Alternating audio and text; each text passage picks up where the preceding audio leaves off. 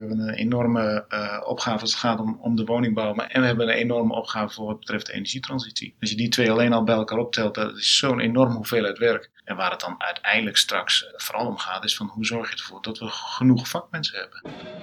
Dit is Terstegen Bouw Vastgoed, de podcast. We gaan in gesprek met onze samenwerkingspartners. In deze aflevering kijken we terug op het bijzondere jaar 2020 en kijken we vooral vooruit naar de komende vijf jaar. De podcast wordt gehost door Saskia Fokkema. We zijn vandaag te gast bij Terstegen Bouw Vastgoed in gesprek met Hans Terstegen, Koen van Rooyen en Joep Rats. Zouden jullie eerst willen voorstellen? Ja, zeker. Uh, Hans Verstegen, ik ben uh, directeur-eigenaar van uh, Terstegen Bouw Vastgoed. Inmiddels de vierde generatie binnen ons bedrijf. En mijn naam is Koen van Rooyen. Ik ben algemeen directeur van Woningbouw.nl, branchevereniging voor projectontwikkelaars, woningbouwers, bouwondernemers. Die zich hoofdzakelijk bezighouden met het bouwen van woningen in Nederland. Ik ben Joep Rats, ik ben directeur beleid en vereniging bij Bouw Nederland. Een groep van 4300 aannemers, goed voor 60 miljard in Nederland die alles maar bouwen wat je onder de grond en boven de grond tegen kan komen. Mooi. We gaan eerst terugkijken naar vorig jaar, jaar 2020. Een bijzonder jaar, natuurlijk vanwege corona, zoals al de geschiedenis ingaan. Hans, hoe was dat voor het stegenbouw vastgoed? Ja, wat jij al zegt, uh, Saskia, inderdaad een, uh, een, zeer bijzonder jaar. Uh, we wisten natuurlijk in maart vorig jaar geen van allen hoe het, hoe het zou uitvallen. Ehm, ja, we dachten tot die tijd van, goh, het gaat hartstikke leuk. Uh, maar toen kwam er een grote onzekerheid. Uh, ik moet zeggen, mede ook uh, door onze brancheorganisaties hebben we eigenlijk ook gewoon kunnen, echt kunnen letterlijk kunnen doorbouwen. Ja, dat heeft ons als branche gewoon enorm geholpen. En dan zie je dat in deze crisis wij, wij als branche ja, hoegenaamd niet geraakt zijn. daar waar andere bedrijven gewoon enorm in de flank geraakt werden door, door deze crisis.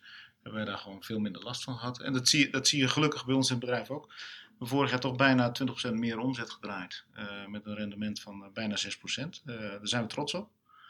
dat is ook mooi om te zien. Ehm, ja, en dat doen we met de mensen die binnen onze organisatie elke dag weer de schouders er, eronder zetten. En ja, gelukkig ook, wat ik net al zei, in 2020 ook prima hebben kunnen doorbouwen. Ja, daar, zijn we, daar zijn we blij mee. Het is mooi dat het zo verlopen is. Hele mooie cijfers dus in dat hele rare jaar. Wat zijn andere hoogtepunten voor jullie geweest? Nou ja, weet je, wat, wat ik als bedrijf ook wel belangrijk vind, is dat je naast uh, zeg maar het, het, voeren van een bedrijf ook gewoon een grote maatschappelijke betrokkenheid hebben. Uh, familiebedrijven hebben dat over het algemeen ook, uh, ook, ook, sowieso wat hoger op de agenda staan. maar als je kijkt naar vorig jaar, wat ik heel leuk vind, is dat, dat ook weer heel veel mensen van ons allerlei opleidingen hebben gedaan. dus ook echt aan een eigen ontwikkeling hebben gewerkt. En wat ik ook leuk vond, is dat we, we zijn een samenwerking aangegaan bijvoorbeeld met Staatsbosbeheer. Uh, wat wij doen is dat we elke woning die we bouwen, dan wel uh, de woning die we renoveren, daar planten wij twee bomen voor. Om op die manier ook een stukje in, uh, in, in circulariteit te doen. We hebben vorig jaar ruim 1100 woningen op die manier gebouwd, dan wel gerenoveerd. Dus we hebben 2200 woningen inmiddels geplant. Bomen. goed dat je het zegt, bomen geplant. daar heb ik zelf ook aan meegeholpen, dat vond ik ook leuk. Ik heb ze niet allemaal geplant, maar we hebben er toch ook een paar, een paar op die manier gedaan. Dus dat, is ook heel leuk. Nou, wat verder op zich ook wel benoemenswaardig is, dat wij inmiddels ook op de PSO, dus prestatie laten sociaal ondernemen, inmiddels op treden 2 zijn beland. waarbij wij vooral kijken hoe we mensen met een uh, afstand tot de arbeidsmarkt toch ook kunnen betrekken bij ons proces. En uh, ja, goed, op die manier hopen wij ook als bedrijf onze betrokkenheid bij de maatschappij nog extra te benadrukken. Dus ook heel leuk om dat in 2020 uh, op die manier te hebben kunnen doen. Hoe kijken jullie terug op 2020 als je kijkt naar de totale branche? Nou, ik vond het ook een heel spannend jaar. Uh, wij, wij, praten rechtstreeks met die overheid en met die, met die ministeries en met de grote opdrachtgevers. En uh, uh, we zagen ook die corona op ons afkomen. En wij hadden inderdaad het schrikbeeld, het gaat dicht. Hè? En we hebben zelfs nog eens overwogen, moet dat niet ook? Hè? Is dat niet beter, is dat niet makkelijker dan, dan, dan doorbouwen? We hadden al snel naar het buitenland gekeken en gezien wat voor gevolgen het daar had. Dus we hebben snel, uh, ook samen met, met het gesprek met de aannemers besloten, we gaan, we gaan voor open houden. En dat was wel knap spannend, kan ik zeggen. Want dat heeft niet iedereen beleefd, maar we hebben vijf keer op het punt gestaan dat het dicht had kunnen gaan. En, en, dicht betekent alle bouwwerkzaamheden stoppen? Ja, of deels. Dus uh, we hebben, we hebben heel gehad over helemaal dicht en er zijn wel situaties dat delen dicht zouden gaan. En eh, ja, een van de dingen die we heel snel door hadden, we moeten een gedragscode hebben. Dus we moeten een afspraak hebben over hoe je op die bouwplaats met elkaar werkt. Niet alleen om door te gaan, maar ook om het veilig te doen. Hè? Dus dat we ook niet alleen maar dat doen om, om maar eh, te laten werken, maar ook gewoon veilig en, en de sector kan laten zien. Eh, en, die hebben wij toen in een, in een week eigenlijk gemaakt. Dat is eigenlijk ongekend, want we moesten ook nog vakbeweging hebben die het goed vond. En we moesten ook nog ministers hebben die het goed vonden.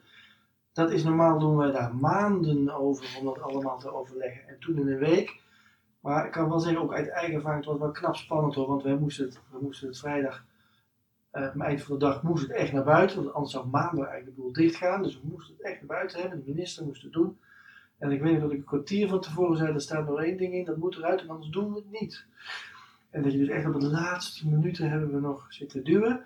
Maar ik moet ook wel zeggen dat, we hebben vaak ook wel klaar over ambtenaren, maar hier hebben we echt het ministerie van Nederlandse Zaken en Ambtenaren ons echt super geholpen om dit voor elkaar te krijgen. En ik moet ook zeggen, eenheid in de sector is ook groot. Dus iedereen stond er ook achter en heeft het gedaan. Dus ik ben op dat soort vlakken, Hans was trots op zijn mensen, maar we zijn echt super trots op de sector als geheel dat we dit gedaan hebben. En we hebben het volgehouden. Ja. Uh, en daar ben ik echt super trots Ja, ja, nou ja en, en ook hulde aan Bouw Nederland, die toch heel veel van het werk, uh, want Hans, jij zegt uh, de branchevereniging, maar hier gaat echt de pluim naar Bouw Nederland die dat, die dat gedaan heeft en daar enorm veel werk aan gehad heeft.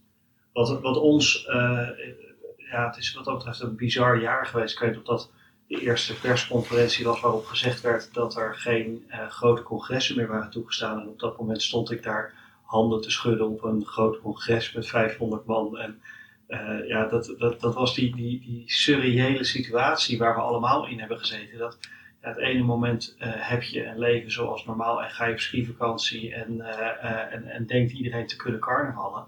en, en, en een week, week of wat later zit je thuis en heb je geen idee wat er op je afkomt. En dat was best wel een enge situatie, kan ik me herinneren. Dat je scholen dicht en je zit ineens met je kinderen thuis en dat thuiswerken en zo. Hoe gaat dat nou? Um, wij zijn toen als organisatie bij elkaar gaan zitten en we hebben gewoon een paar scenario's uitgewerkt van wat gaat dit nou voor effect hebben op de woningmarkt. En wat uh, wij al snel zagen in de cijfers, in ieder geval de, de cijfers en de ontwikkeling van de cijfers, was dat er nog geen aanleiding was om te denken dat het de verkeerde kant op zou gaan. Als het de verkeerde kant op zou gaan, dan zou dat later komen. Hè. Bouw is altijd, altijd een redelijk laatcyclische uh, markt en uh, ja, redelijk laatcyclische uh, sector. Um, en wij zagen in die cijfers van ja, dat is dus heel erg afhankelijk van hoe zo'n lockdown, hoe lang gaan we dat volhouden, wat gaat er allemaal dicht, gaat die bouwsector daadwerkelijk dicht. Um, en ja, er, er wat me zo verraste was, uh, wij waren toch redelijk optimistisch nog aan het begin. En we zagen vanuit heel veel banken de voorspellingen komen. Hel en verdoemenis komt er over ons heen. En uh, de prijzen van woningen die op dat moment nog echt fors, fors, fors in de plus zaten. En iedereen tuimelde over elkaar heen om huizen te kopen. En daarvan zeiden ze, ja, maar dat gaat uh, voor het eind van het jaar hebben we 5%, 6% prijsdaling. En wij keken elkaar aan en dachten, maar waar zou die dan vandaan moeten komen? Want dat betekent we hadden toen al iets van 6, 7 procent prijsstijging in onze zak zitten. Dat betekent dus dat je echt niet alleen maar dat naar beneden moet, maar dan moet je dus ook dat wat je nu hebt opgebouwd, zal je naar beneden moeten. En um, ja, daar, daar, ontstond ook een soort massahysterie. Um, en ja, het heeft inderdaad enorm geholpen dat de bouwsector gewoon open kon blijven, dat we gewoon door konden blijven gaan. Want ik heb ook wel aan het begin met ondernemers aan de telefoon gezeten die zeiden: Ja, ik ben nu met mijn financiële afdeling aan het doorrekenen hoe lang wij dicht kunnen. Ja. En uh, hoe, voor, wat voor boetes er dan allemaal boven het hoofd hangen. Ja, dat, uh, dat, dat zou gewoon uh, een enorme stop geweest zijn. Ja, het is goed dat je het zegt, want dat was dezelfde reeksom die wij ook gemaakt hadden. En dan zie je ook hoe kwetsbaar je soms kunt zijn. Want als je, als je inderdaad uh, stil zou komen te staan, uh, ja, die, die kosten, die, uh, ja, dat, loopt, dat loopt echt in de miljoenen. Hoe, hoe, je dan, als je ook maar een paar maanden stil zou liggen, ja, wat dat zou betekenen. Dus ja. ja. goed om die rekensom te maken, maar heel blij dat die niet uitgekomen is. Ja, precies. Ja, dat zijn wel die rekensommen waar je later nog eens, dan pak je dat bierveeltje waar je op de achterkant hebt zitten rekenen erbij en dan denk je...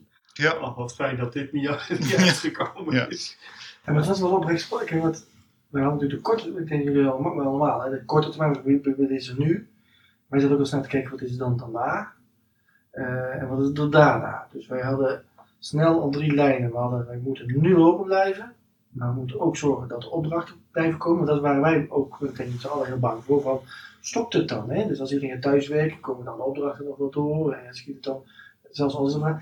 En het derde was, uh, als het dan tegenvalt, dan is al het geld al gestoken in de sectoren die eerder geraakt zijn. En dan is het, komt de bouw aan de beurt. En dan is de pot leeg. En wat zijn wij dan? Ja. Dus we waren al heel snel bezig om te zorgen dat we al die drainlijnen gevuld krijgen. Dus open houden, zorgen dat er uh, handel komt en zorgen dat er straks ook wij een beetje op de lijstje staan van als er wat aan de hand is, dat wij ook nog. Uh, daar komen we ook eerlijk gezegd met het idee, liefst heb je niet nodig, maar uh, het moet er wel zijn. Ja. ja. En, en, en ook daar hebben we, hebben we goed samengewerkt, want daar hebben we met z'n allen hard aangetrokken, alle sectoren die met de bouw te maken hebben. Van, we moeten ons goed positioneren. En het was ook nog wel, ook nog wel lastig, omdat je, het ging ons eigenlijk best wel goed hè, met de bouw we het alle aantal. Dus hoe kun je nou zeggen, ik heb geld nodig terwijl het bij jou best wel goed gaat. Ja. ja. Dus dat is ook, en ook omdat het ook niet, het is ook wel moeilijk voor alle sectoren. Het moet niet de triomfantelijk staan van de bouw doet het even en jullie hebben het nakijken. Dan wordt het je ook niet gegund. Dus je moet ook een beetje meeleven met ondernemers die nou ja, echt hard geraakt zijn, echt leven geraakt zijn. Ja. ja, en met name ook met, met betrekking tot je geloofwaardigheid in de volgende crisis. Hè? Want ja. je, je zag dat in die financiële crisis in 2013, dat we, uh, wij schreeuwden moord en brand. En toen waren er andere winnaars. Er waren er andere partijen die, die er uh, goed uitkwamen. Ja, toen lagen wij op de grond en, en zeiden we, help ons alsjeblieft. En dat kwam maar niet. Uh, want we hadden te maken met een minister voor Wonen die zei: uh, Nou, jullie liggen op de grond. Ik, zal het laten zien waar de grond is.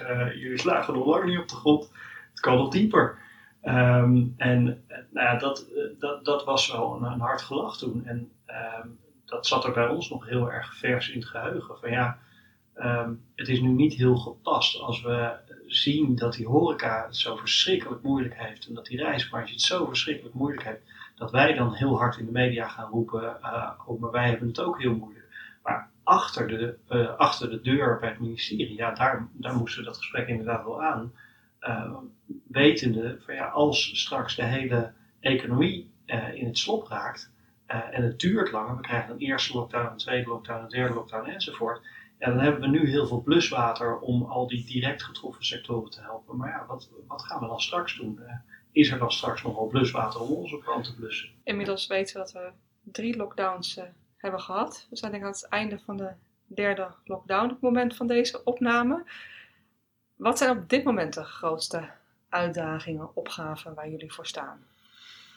Ja, het, het, het, het een beetje verschil tussen zeg maar, de korte termijn uh, opgaves en de, de, lange termijn opgaves. Uh, waar je nu heel veel over hoort is uh, materialen, materiaalprijzen. Kijk naar staal, kijk naar hout.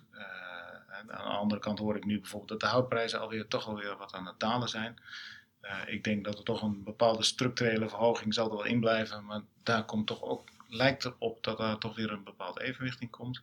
Dus dat zijn vooral nu uh, onze, onze korte termijn uh, opgaves. Maar als je naar de lange termijn kijkt, ja, wat ik ook al eerder in, in, de vorige podcast heb gezegd, is we hebben een enorme uh, opgave als het gaat om, om de woningbouw. Maar en, en we hebben een enorme opgave voor wat betreft de energietransitie.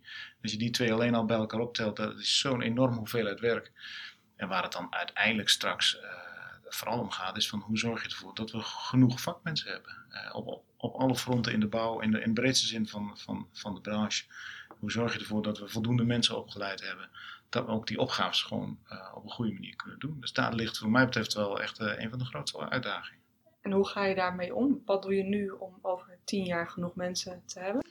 Nou, wat we vooral proberen is om, uh, om, om als branche attractief te zijn. we hebben natuurlijk, wat Koen net ook al zei, we hebben in, in, in de vorige crisis zat eigenlijk bijna alles tegen. je ziet nu dat politiek vind ik dat de branche veel beter, eh, veel beter opstaat. We worden, we worden toch gezien als, als een branche die, eh, die keihard nodig is. Dus dat, dat, dat geeft ook wel aan dat we als branche denk ik veel attractiever worden. Uh, dat betekent ook dat je moet investeren in de jeugd. Uh, moet investeren in moeders. Want moeders maken toch vaak wel de beslissing welke, welke opleiding kinderen gaan doen. Dus zorg ook dat je die betrekt bij, bij keuzes die, die kinderen maken. En zorg dat, dat je dus een voldoende aanwas krijgt van, van jonge mensen in onze branche. Want dat is gewoon keihard nodig. Ik denk dat de sector wat ook nodig heeft is een beetje blik op continuïteit. Kijk, je hebt nu weer een crisis, maar ook eh, als je nu wat uh, iets langer termijn kijkt, zie je dat het best onzeker is hoe het allemaal zich ontwikkelt. En als het een beetje onzeker is, dan is het voor ondernemers niet zo interessant om zware investeringen te doen. Dus als we beter zicht krijgen hoe ontwikkelt de markt en daar meer gevoel voor krijgen, dan is het voor Hans ook makkelijker om wat grotere beslissingen te maken. We moeten inderdaad mensen aantrekken, maar we zullen ook sommige dingen gewoon wat slimmer moeten doen. En Ja. er zal ook weer heus meer productie komen en meer prefab en er zal ook nog eh, meer automatisering komen. Dus die, dat moet ons ook allemaal helpen.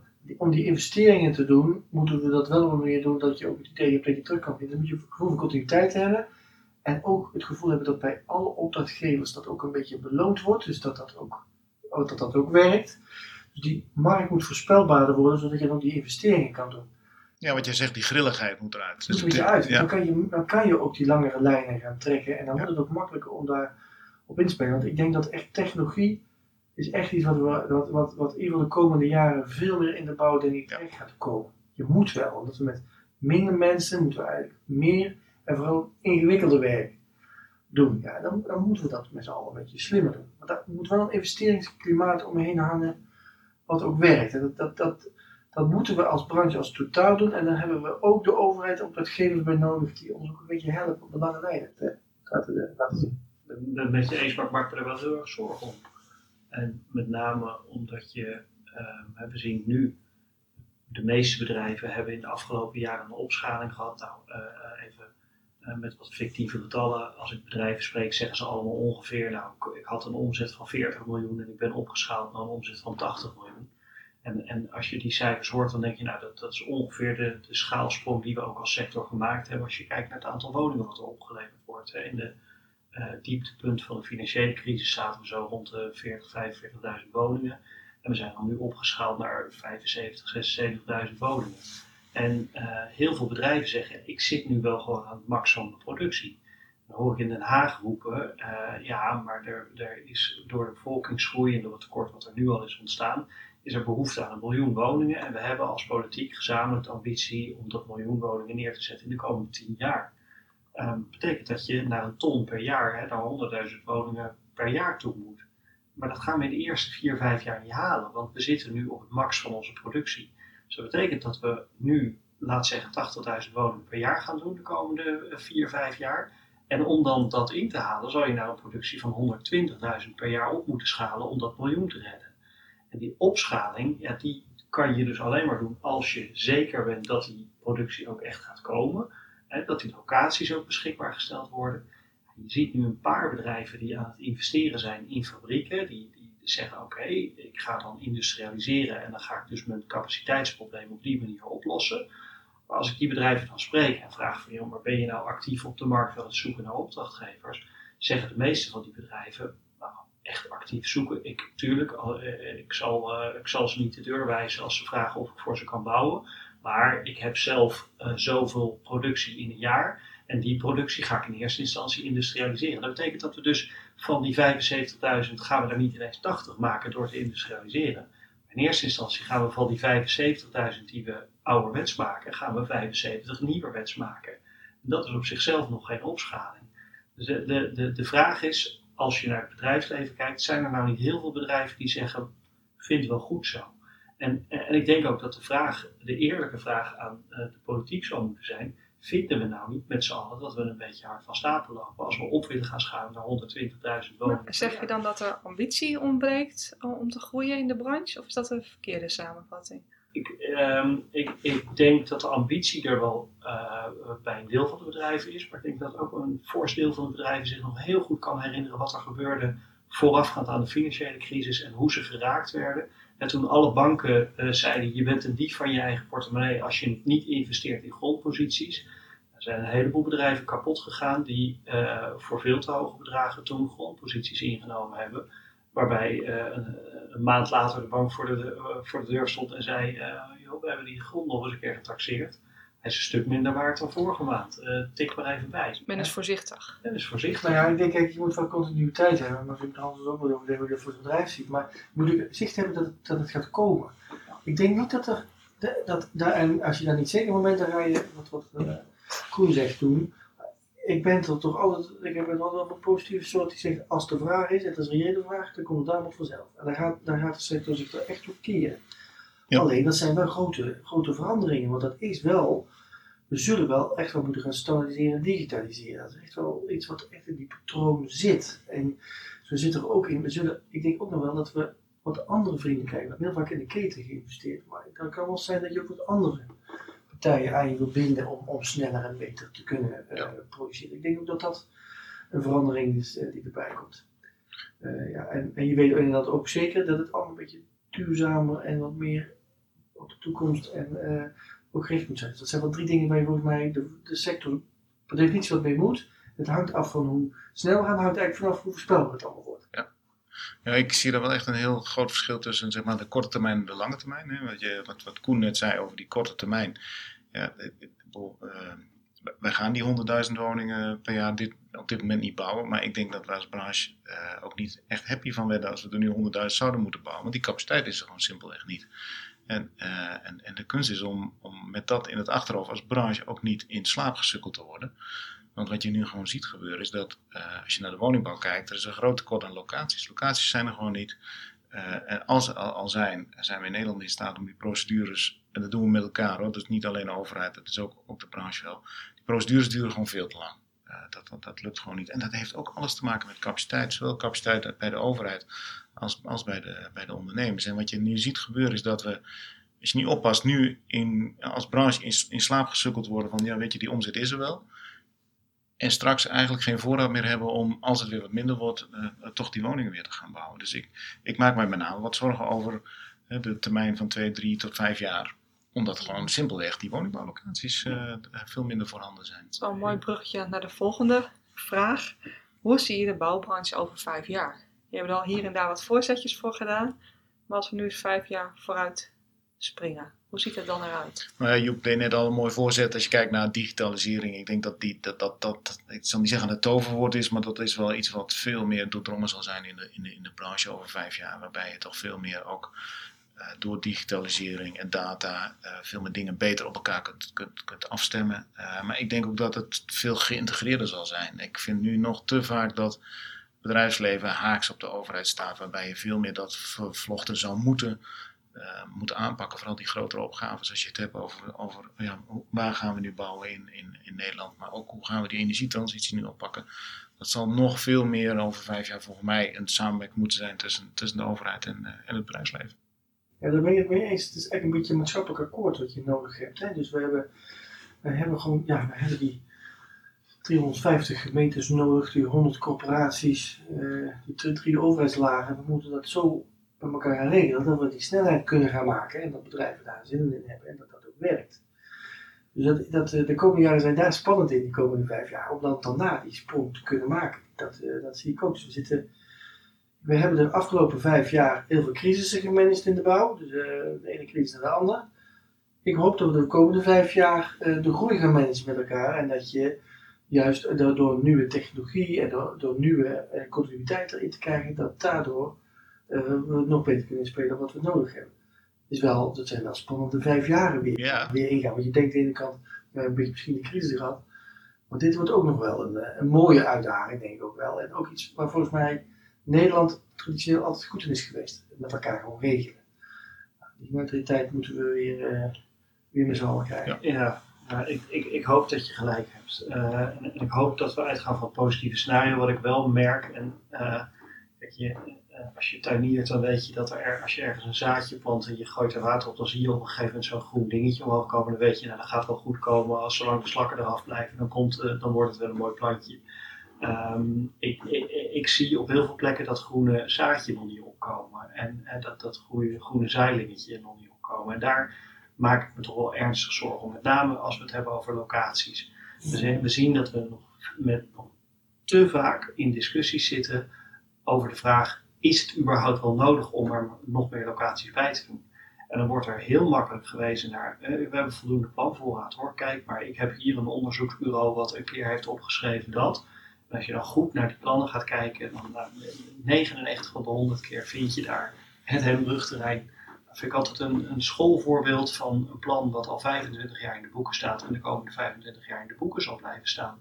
Um, want we willen daar allemaal wel, we vinden het allemaal wel logisch om daar iets te gaan doen. Ik denk ook dat het voor die omgeving heel goed zou zijn als daar uh, woningbouw plaatsvindt. Maar we weten nog niet zo heel goed wat we nou gaan doen met het bedrijventerrein wat daar zit. En we weten, hè, dat moet weg, maar waar naartoe dan, weten we eigenlijk ook niet. Willen we ook geen, geen andere plek voor opgeven waar we dat dan naartoe brengen, want niemand wil het in zijn achtertuin hebben. We hebben wel gezegd, daar gaan zoveel duizend woningen komen. En omdat we hebben vastgesteld dat die er gaan komen, hoeven we het ergens anders niet op te lossen. Dan zie je nu vanuit het uh, ministerie, zie je, Olongren die dan een brief schrijft met een, een heel goed onderbouwd rapport waar staat, ja, maar we hebben op een aantal locaties in Nederland um, waar we woningen willen, hebben we toch best wel een fors infrastructureel probleem. Um, daar moet heel veel geld tegenaan. En dan kom je al die usual suspects weer, weer tegen. Dat je denkt, ja, jongens, laten we nou gewoon verstandig doen. Laten we nou gewoon eerst aan die randen van de stad beginnen, waar groene veldjes liggen die niemand gebruikt. Die kunnen we prima omkatten. En, uh, en, en, laten we dan eens een randje erbij nemen. Laten we eens kijken of er ergens een stukje boerenland ligt, wat we, uh, wat, wat, waar, waar de boer toch al wil stoppen. En eigenlijk op zoek is naar een koper, maar dat nog niet zo hardop wil, wil zeggen. En binnenstedelijk? Ook, moet ook wat gebeuren. Ik vind wel um, de discussie rondom de binnenstedelijk of buitenstedelijk bouwen is heel erg gepolariseerd op het moment. Um, en, en het, is onderdeel van een goed gesprek over de inrichting van de ruimte dat je daarover durft te praten met elkaar. Maar ik vind ook dat je dan eerder moet zijn, we kunnen niet een miljoen woningen binnen de stad uh, bouwen. En als we dat wel gaan doen, dan zal je iets moeten met de plekken die je opgeeft. Want dan ga je dus volkstuintjes, voetbalvelden, parkjes ga je opgeven. En het is niet zo dat er ineens geen behoefte meer is aan volkstuintjes, voetbalvelden en uh, parkjes. Dus die ga je naar een andere plek verplaatsen. En dan ga je dus feitelijk diezelfde groene ruimte die buiten de stad ligt opgeven. Maar dan aan voetbalveldjes, uh, volkstuintjes en parken. Het, het is heel erg en. Hè. We moeten binnen steden dingen doen. En we moeten en, doen. Maar het, de droomwereld dat het allemaal binnen steden kan, is, het, is inderdaad niet terecht. Want je wil ook een beetje groen in de steden. Je wil ook nog een beetje andere leefbaarheid. Een groene stad is heel belangrijk. Dus ik, uh, uh, het is inderdaad een beetje een gepolariseerde discussie. Terwijl uh, groen, en in groen bouwen kan heel mooi zijn. Hè? Het is niet voor niks dat Wassenaar, het Gooi, haar, dat dat mooi gevonden wordt.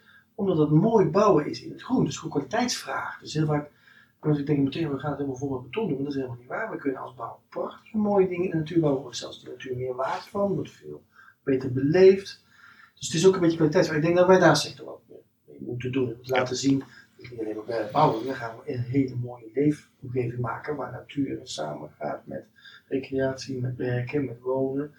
Misschien ook andere, wel wat andere ook transportmiddelen, maar je, dat we het ook wel bij de tijd brengen van nu. Uh, ja, dat moeten we ook laten zien. Maar het is, het is echt en en. En, en, en, er moet, en, en ik ben wel met je eens, okay, want ik ben wel, helaas denk ik dat je voorspellingen best wel kunnen kloppen, maar ik, we moeten ook laten zien dat het wel kan. Dus ja, je, je, als het blijft, als we... Precies, jij bent altijd... optimist van ons twee, hè? altijd. En ik, ik zie dan de beren op de weg. En, en, en die zijn er ook, ja. dus dat, dat, is dan weer de bijrealiteitscheck. Maar we moeten wel zorgen dat we de, de, de weg vinden daar naartoe. En dat betekent ook dingen anders moeten, hè? want als je zegt ik wil zoveel woningen, ik wil, ik wil, ook nog miljoenen woningen verduren, dus ik zit opgehouden. Ja. En we hebben dat verdeeld over allerlei 350 democratietjes eh, met raden en zo, die allemaal een beetje moeten beslissen. En dan al die corporaties, ook 100 wel, die moeten allemaal raden van bestuur beslissen. Niet echt heel effectief en efficiënt als we dat zo allemaal doen. Ik heb wel oog voor de belangen die mensen hebben, maar dit is wel een heel efficiënt. Dus we moeten het voor het kabinet hebben over hoe gaan we hier meer regie op hebben. We ja. ergens doorheen de beslissing maken. En wij moeten als sector zien dat we dat goed doen. Dat we dat goed kunnen, dat we mooie producten bieden, dat we ook heus wel begrijpen dat dat natuur bij hoort en alle systemen bij hoort. Dat we gewoon Nederland heel mooi maken en heel goed en stevig, stevig en sterk. Ja, maar ik denk ook dat dat, uh, dat ook vooral sectoroverschrijdend is. Dat kunnen we zeker niet als bouwbranche alleen. Het gaat echt om de ruimte van Nederland. Dus waar ga je, waar ga je wonen, uh, plannen, maar waar ga je ook andere functies plannen? Ik bedoel, het, is, het, het, is toch een beetje op dit moment wel een gevecht om ruimte in Nederland. Uh, en, en, dat zullen we met elkaar toch, dit, dit, vraagstuk zullen we echt met elkaar moeten oplossen. Maar dit vind ik dus wel, um, dan zeg ik net nieuwe vrienden. Je hebt net verteld over Staatsbosbeheer, wie een nieuwe ja. vriend van jou is, ja. had je misschien twintig jaar geleden niet gedacht. Nee. Ja, zo zullen we met meer betekenen, maar dit is ook zo'n voorbeeld. Ja. Je... Maar ik denk, denk inderdaad dat de, de, de de grens die we nu om de stad heen hebben getrokken en gezegd dit is rood en dit is groen. Maar volgens mij is het allemaal een beetje rood en allemaal een beetje groen. We hebben gewoon een leefomgeving en, daar, en, in de rode leefomgeving willen we groen hebben. Want ik wil ook dat mijn kinderen uh, groen in hun omgeving hebben. En, ik vind het zelf ook heel comfortabel als er een boom in de straat staat en als er een parkje aan het einde van de straat is waar ik rond kan lopen, waar de vogeltjes kunnen fluiten. Je, hebt daar groene netwerken in nodig. En net zo goed als dat het groen niet ophoudt bij de stadsrand, ehm, eh, moet dus ook de rood niet ophouden bij de stadsrand. En, en moeten we eh, zorgen dat er groen en rood door elkaar heen eh, vervlochten wordt. Maar dat betekent inderdaad dat als je de nieuwe Larens en de nieuwe Wassenaars van de wereld gaat maken, dan, dan denk ik niet dat de oplossing is dat we een bosgebied nemen waar we, eh, waar we van zeggen, nou dit is eh, prachtig bestaand eh, historisch natuurgebied. Laten we hier nou eens een paar woningen verstandig doorheen plaatsen. Ik zou juist een, een enorm pleidooi vinden als wij als sector zeggen, laten we nou op zoek gaan naar verschuilde agrarische gronden waar niemand meer iets mee kan.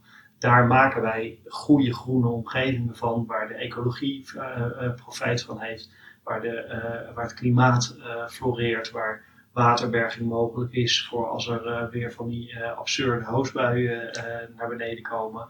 En waar eigenlijk al alle natuurdoelen gediend worden. Ja, en als we dat dan neerzetten op die plek, ja, dan, dan hebben we dus eigenlijk nieuwe natuur gecreëerd. En dat doen we dan in samenhang met. Maar dit is toch hartstikke, als je dit nou vertelt, ik weet niet maar dat is toch leuk als je dat hoort. Ja, ja, maar dit is ook leuk, maar- Wat aan doen? Dat is wat we moeten gaan doen. Want dat is ook wat, eh, wat, wat, wat, wat bewoners ook willen. Hè? Dat is, als je kijkt naar natuurinclusief bouwen, dat is natuurlijk echt wat bewoners ook, wat bewoners ook echt aanspreekt. En, eh, en wat we ook veel meer zouden moeten promoten. En, dan- en dan heb je daar nieuwe vrienden bij nodig. Ik denk overigens dat hetzelfde ook eerder met technologie ook zo zal gaan. Ja. We hebben nu met z'n allen de, de lockdown gehad, we hebben thuis gewerkt. We zijn afhankelijk. We weten nu helemaal afhankelijk we zijn van internet en van goede verbindingen en van eh, huizen waar dat ook wel een beetje goed werkt en allemaal. eh, Ja, goddank voor Gaat. de coronacrisis nu. Als die tien jaar geleden was geweest, hadden we met z'n allen niet zo thuis kunnen Dat is werken. bizar geweest. Dat is, Ja. dat- een, be- maar dat betekent een beter ja, getimede coronacrisis kon Nee, ik me wel nee. voorstellen. Nee, maar dat betekent wel ook dat je in die hoek, denk ik ook, dat ze de komende jaren, ook na vijf jaar, hè, dat je daar dat je ook steeds beter gaat samenwerken, meer gaat samenwerken met partijen. Dus ICT-partijen worden gewoon belangrijk. Ga je niet allemaal zelf bedenken, maar dan moet je partijen bij vinden Ja. eh, die daar goed in zijn. Ja. Dat denk ik ook in het logistieke deel, hè, dat zal je toch ook, eh, moet ook een beetje anders. Dat zal toch ook anders. Dus ik denk dat ze dat. dat Nou ja, werken gaat sowieso anders worden. hè? Die mee gaan werken, die Ja. mee gaan helpen. Mooi.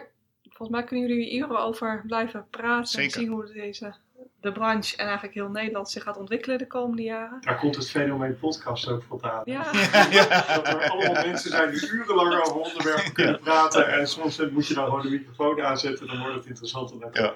nou misschien is dit het begin eh, van meer. ja. Ik wil jullie in ieder geval bedanken. Bedankt voor het luisteren naar Terstegen Bouwvastgoed, de podcast.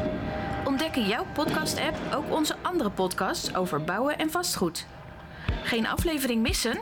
Volg Terstegen dan op social media. Op tsbouwvastgoed.nl slash podcast zijn alle afleveringen terug te luisteren en vind je de contactgegevens.